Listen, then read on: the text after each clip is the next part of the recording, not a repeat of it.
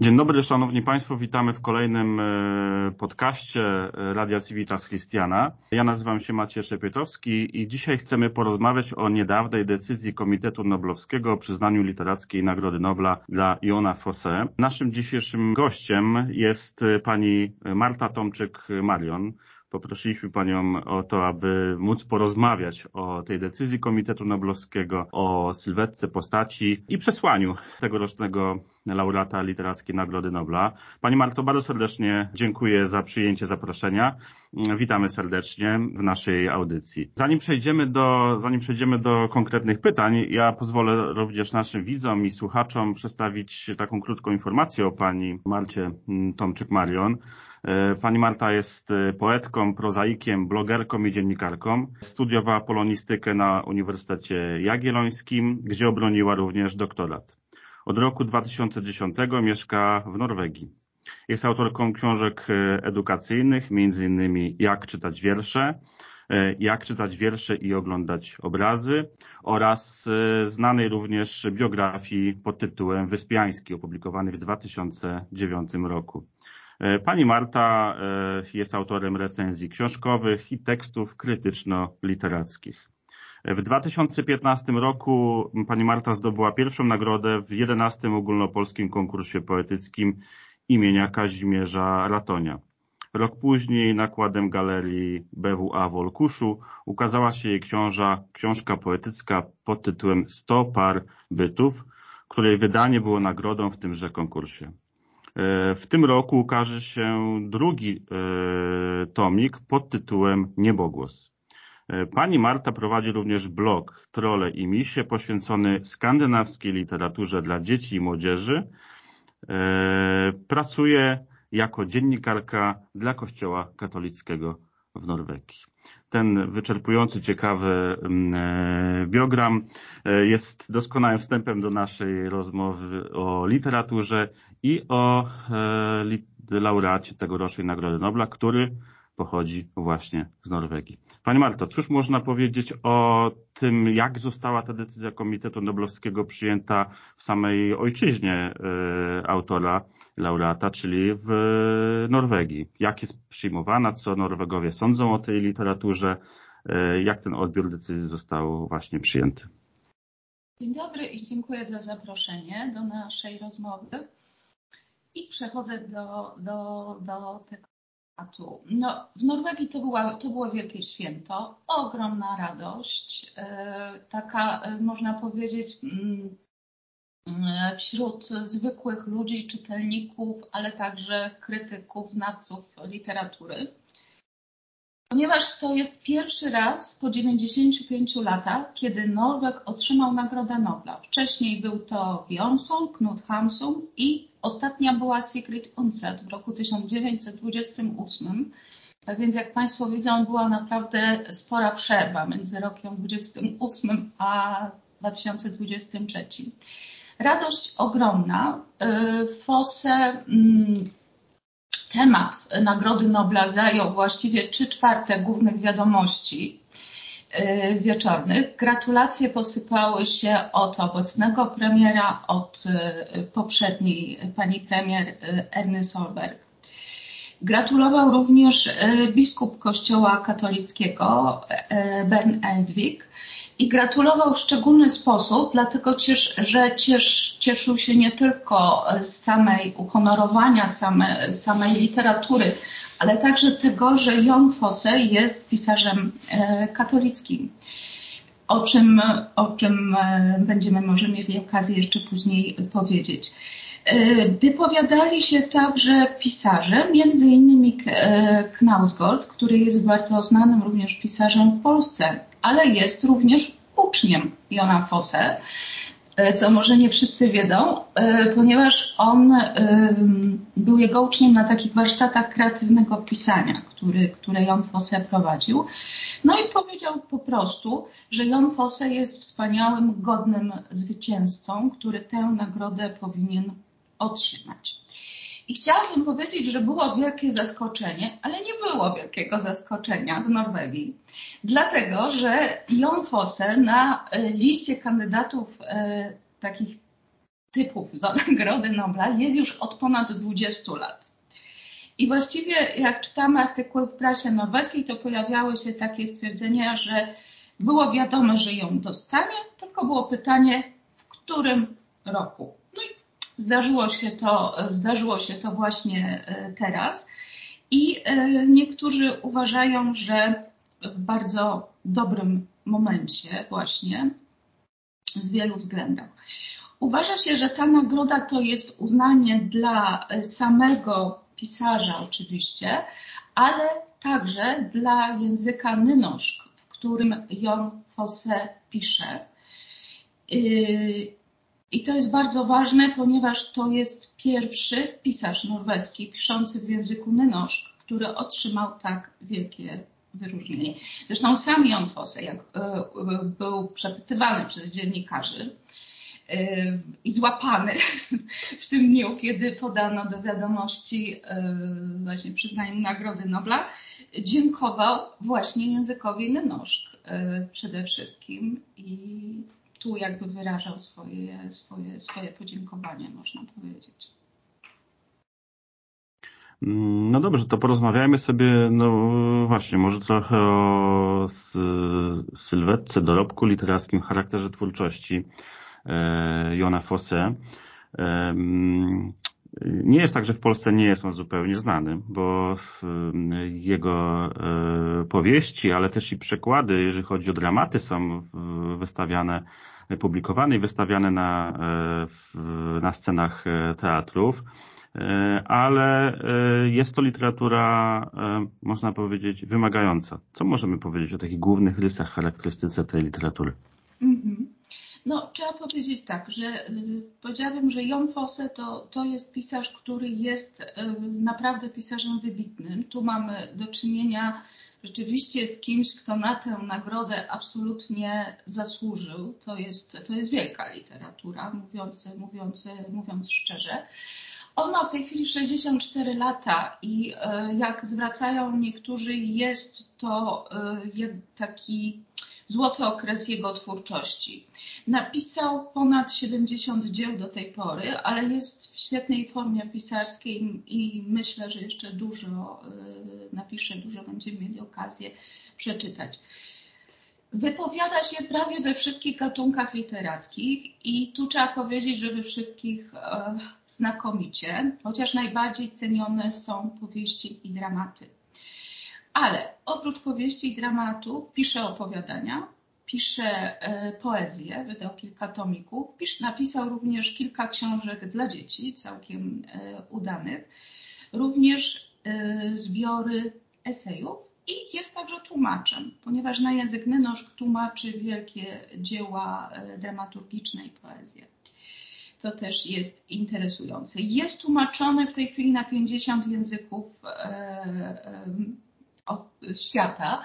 Jego dramaty są wystawiane na 120 scenach, były, były wystawiane i jest pisarzem ogromnie nagradzanym i y, ogromnie znanym w wielu krajach, również w Polsce, tak jak, tak jak Pan y, wspomniał.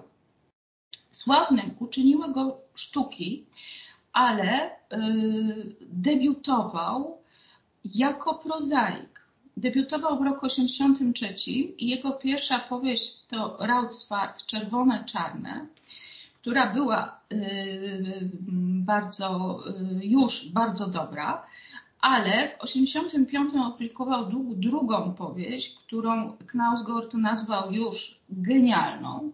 To jest powieść Stand Gitar, zamknięta gitara. I później już każda książka, można powiedzieć, była, była lepsza. Z prozy można, ja nie będę tutaj tytułów e, cytować, bo to byłoby nudne, ale tylko wspomnę, że taką ważną książką docenioną jest Melancholia, która nie jest jeszcze przetłumaczona na język polski i Trylogia, e, która dostała taką ważną nagrodę Literackiej Rady Nordyckiej. Natomiast w 2021 ukazała się septologia, która jest tłumaczona na język polski. Jest, y, pierwsza i druga część jest przetłumaczona przez panią Iwonę Zimnicką, zresztą znakomicie.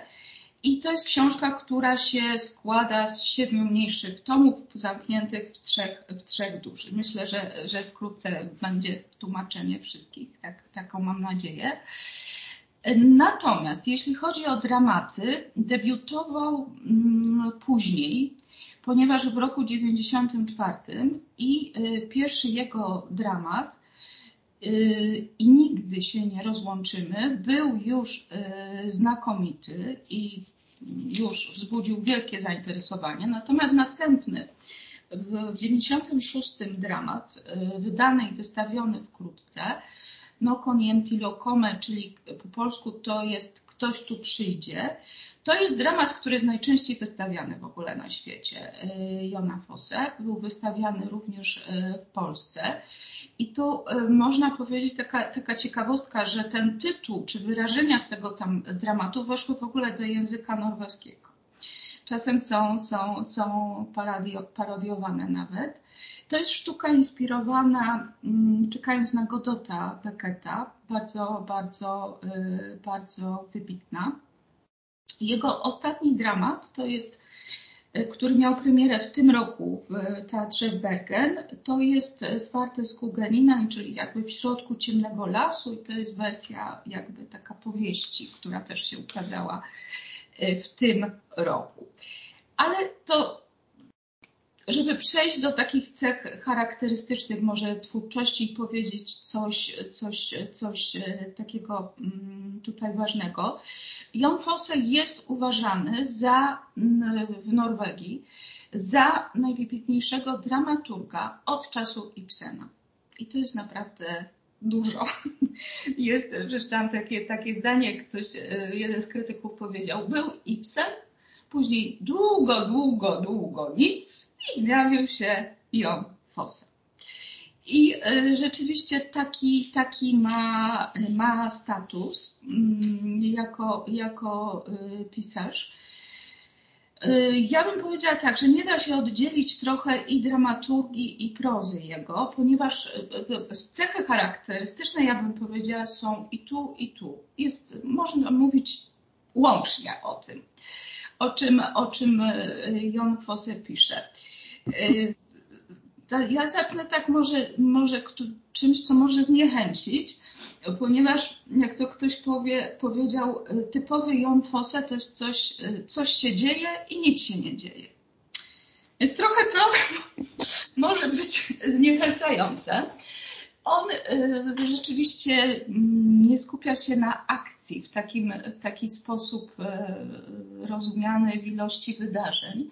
Natomiast są to e, książki, w których dzieje się bardzo wiele, ale to, co się dzieje, to jest przede wszystkim w głowie bohaterów i w relacjach między nimi, ponieważ jego przede wszystkim interesują takie bardzo głębokie tematy. To jest e, no, takie może niedobre określenie pisarz egzystencjalny, ale porusza takie tematy mm, związane z życiem, śmiercią, ale bardzo głęboko.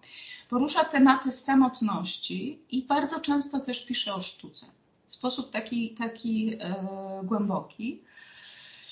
E, dużo tam jest też, e, bym powiedziała, wątków autobiograficznych, ale one są bardzo inteligentnie zakamuflowane i nie są to powieści auto, autobiograficzne, co myślę, że jest e, wielką, wielką zaletą. I to, co jest jakby najważniejsze w jego twórczości, to jest jakiś taki przekaz, że najważniejsze jest to, co jest pomiędzy słowami. Najważniejsze jest to, czego nie można wyrazić. Zresztą on powiedział w jednym z wywiadów, i to jest bardzo, bardzo takie cenne, odnoszące się też do jego twórczości, że dobra literatura to jest ta literatura, która stara się powiedzieć to, co jest niewyrażalne i że wybitną literaturę w zasadzie nie da się streścić i opowiedzieć komuś, ponieważ kiedyś próbujemy taką e, książkę, taki dramat opowiedzieć komuś, to widzimy, że, że w tym się traci to, co jest, e, to, co jest e, najważniejsze. I to, co jest ważne, to, że Jan Fosse jest pisarzem naprawdę mistycznym też I jego bardzo interesuje y, sfera duchowa y, i ona jest po prostu w tych utworach. Bardzo silna. I ta metafizyka jest, ale ona nie jest wyrażana w sposób taki dosłowny. Ona się gdzieś tam właśnie ukrywa. Ja bym powiedziała, w ciszy się ukrywa. Bo to jest też pisarz, nazywa się pisarzem minimalistą też, bo niesamowicie mało akcji, jakby mało słów, ale co też jest bardzo ważne, niesamowicie dużo mm, muzyczności i powtórzeń, leitmotywów tak zwanych.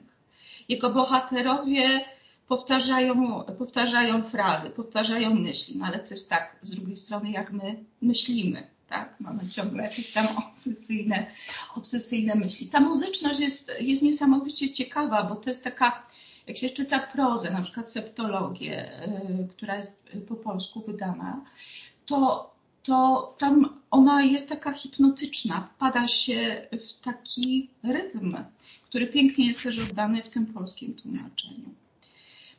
Wielka literatura. No. Po prostu. I ona nie jest trudna do czytania, bo niektórzy mówią, że, że jest bardzo, bardzo wymagająca.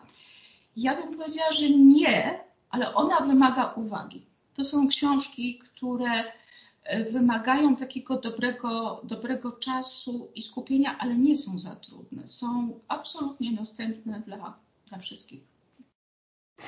Mm, rozumiem, dziękuję. E, przed momentem powiedziała Pani o tym znaczeniu sfery duchowej, metafizyki, ale na samym początku również bardzo jasno powiedziała Pani, że to jest pisarz e, katolicki. To jest bardzo mocne określenie. Faktycznie w jego życiorysie jest, e, pojawia się ta droga duchowa, przyjęcie chrztu, rzymski katolik w Norwegii Nagrodą mhm. Nobla. Mhm, mhm. Właśnie, to jest, to jest e, bardzo, bardzo ciekawa, ciekawa rzecz. E, I w ogóle to jest niesamowicie ciekawy, ciekawy, ciekawy temat, e, ponieważ i tu, tu trzeba powiedzieć, troszkę muszę opowiedzieć o życiorysie Jona, Jona Fosse, ponieważ ponieważ y, nie były to takie rzeczy oczywiste. Y, Jon Fosse urodził się w, e, Hardanger, Haugesund, przepraszam, to jest w okolicy Hardanger, na zachodniej części Norwegii, piękne, piękne, e, piękne e, rejony nad fiordem. Urodził się w maleńkiej miejscowości. Jego, jego rodzina miała gospodarstwo i w takim urokliwym miejscu dorastał. Jego rodzina szczególnie jego babcia, e, była e, luteranką. To byli, to byli ludzie wierzący. I on dorastał w środowisku e, mm, religijnym. W jego domu była odmawiana modlitwa, chodziło się na, do Bedechus, czyli do kaplicy na, na, na spotkania. To było jakby w rytmie. Ale równocześnie, jak Jon Fosse powiedział w wielu wywiadach, mówił, Y, brakowało w tym jakiejś mistyki i głębi. Później mówię, że to była taka religijność w stylu Westlandet. I bardzo ciekawą rzeczą jest, że jako siedmiolatek miał pewne doświadczenie mistyczne w zasadzie. Mianowicie miał bardzo poważny wypadek, w którym był w stanie śmierci klinicznej. I w tym stanie śmierci klinicznej on przeżył wizję, której sam nie nazywa, nie mówi, co to, co to było. Natomiast, to, natomiast była to taka wizja światła e, dobra, wyższej siły. I on e, przyznał, że to go zmieniło na całe życie. To sprawiło, że jakby zrozumiał, że e, jest siła wyższa, jest Bóg, i niekoniecznie on się wyraża w takiej religijności, jaką, jaką e, znał e, z domu. To również sprawiło, jak powiedział, że został pisarzem. I później miał okres buntu mm, młodzieńczego i e, grał w kapeli rockowej i jak, jak mówi, miał poglądy anarchistyczne, komunistyczne, wystąpił z kościoła norweskiego, wtedy z kościoła państwowego jeszcze i nie był, nie był związany z żadną religią. Natomiast w okresie studiów w Bergen i trochę później zetknął się z kolei z kwakrami, czyli z takim protestanckim odłamem chrześcijaństwa, który, którym ogromny nacisk jest położony na taki bezpośredni kontakt z Bogiem, na modlitwę, na medytację, na przekonanie, że w każdym człowieku jest światło, jasność i że możemy się połączyć z Bogiem, ale przede wszystkim w ciszy, nie przez Kościół. I on chodził na te spotkania kwaków, nie wszedł w, kościół, taki kościół instytucjonalnie. Natomiast, natomiast było mu to bliskie, jak sam mówi, jest mu to bliskie, ta modlitwa, ta medytacja. I sam właściwie powiedział, że właściwie on był wierzący cały czas, przez całe życie. Natomiast w pewnym momencie dojrzał do wejścia w kościół, wejścia w kościół, w konwersji na katolicyzm, ale stał wcześniej, przeżył w życiu duże załamanie i duży, bym powiedziała, taki upadek. I on mówi o tym szczerze. Od lat 90., kiedy stał się takim pisarzem bardzo popularnym, kiedy jego sztuki były wystawiane w wielu miejscach w Europie, mimo że on jest bardzo introwertyczny jako człowiek, to wtedy jeździł na te premiery wszystkie, bywał, bywał, odbierał nagrody. No i to takie trochę światowe życie skończyło się znaczy w taki sposób, że, że stracił kontrolę nad alkoholem. Popadł w alkoholizm bardzo, bardzo poważnie, jak sam mówił, pił codziennie i to no i w pewnym momencie niestety go to zniszczyło. Wylądował w szpitalu w bardzo poważnym stanie. Do tego dołącza się oczywiście depresja i tak dalej. Bardzo trudny, ciemny okres, ale wyszedł z tego. Po wyjściu ze szpitala, po wyjściu z odwyku przestał pić, nie pije do tej, do tej pory. I po tym załamaniu on mówił, że zaczął bardzo dużo czytać lektur chrześcijańskich. On wcześniej studiował też, też między innymi filozofię, socjologię. Bardzo dużo czytał i to w tym znajdował jakiś duży, duży sens. Interesował się filozofią zawsze, ale, ale fascynował, fascynowali go też mistrz Eckhart, Tomasz Zakwinu, Mikołaj Skuzy. On to wszystko czytał. I też wszedł w kontakt z takim środowiskiem katolickim, które było w tym czasie w Norwegii się rozwijało, w Oslo. I było ono skupione wokół zakonu dominikanów w Oslo. I stało się tak, że ostatecznie w roku 2013 konwertował. Jego opiekunem był ojciec, Arne Fjeld, bardzo znany dominikanin, intelektualista. I właśnie dokonał, dokonał się chrzest, dokonała się konwersja. Wpływ w tym miała również jego, jego żona, jego trzecia żona Anna, która jest Słowaczką i która jest katoliczką i która też jakby, jakby się do tego dołożyła, ale to była bardzo, bardzo przemyślana decyzja. I to, co on mówi, to, że ta konwersja, to przejście na katolicyzm przyniosło mu samo, same dobre rzeczy.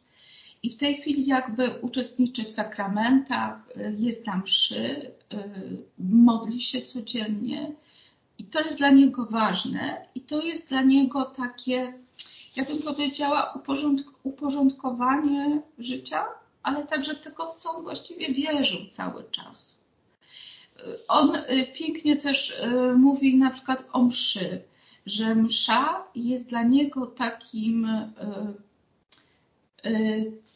kontaktem z Bogiem, ale jest też spokojem, ponieważ msza, mszy katolickiej jest taka właśnie, on znajduje takie momenty ciszy i spokoju, kiedy można się do Boga zbliżyć. Ale pewnie sam nie nazwałby się pisarzem katolickim, tylko nazwałby się po prostu, pewnie by oponował, nazwałby się pisarzem, który jest też e, katolikiem. Tak, tak by trzeba było powiedzieć. Bo wątki religijne w jego twórczości się pojawiają, ale tu trzeba powiedzieć, one nigdy nie są takie, jak to powiedzieć, nachalne, jakieś nowelizatorskie, absolutnie nie. Mhm. Bardzo dziękuję Pani Marto. E, tak, niesamowita postać i z tego co, z tego, tego mm, krótkiego rysu, który Pani przedstawiła, naprawdę e, wiele, wiele inspiracji myślę, że dla słuchaczy, widzów, aby y, samodzielnie również E, spotkać się z literaturą czy z dramatami e, Jona Fosse. E, ja za tą rozmowę bardzo serdecznie dziękuję. My ją zrealizowaliśmy przez łącza skype'owe. Pozwala nam dzisiaj technologia na to, aby łączyć się również na, na długie dystanse.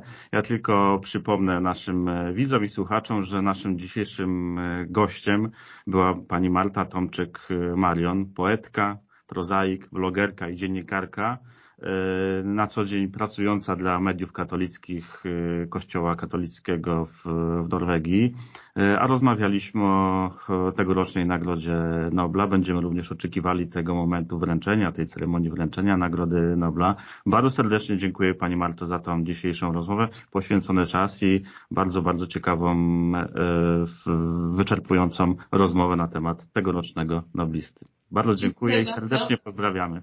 Serdecznie pozdrawiam wszystkich.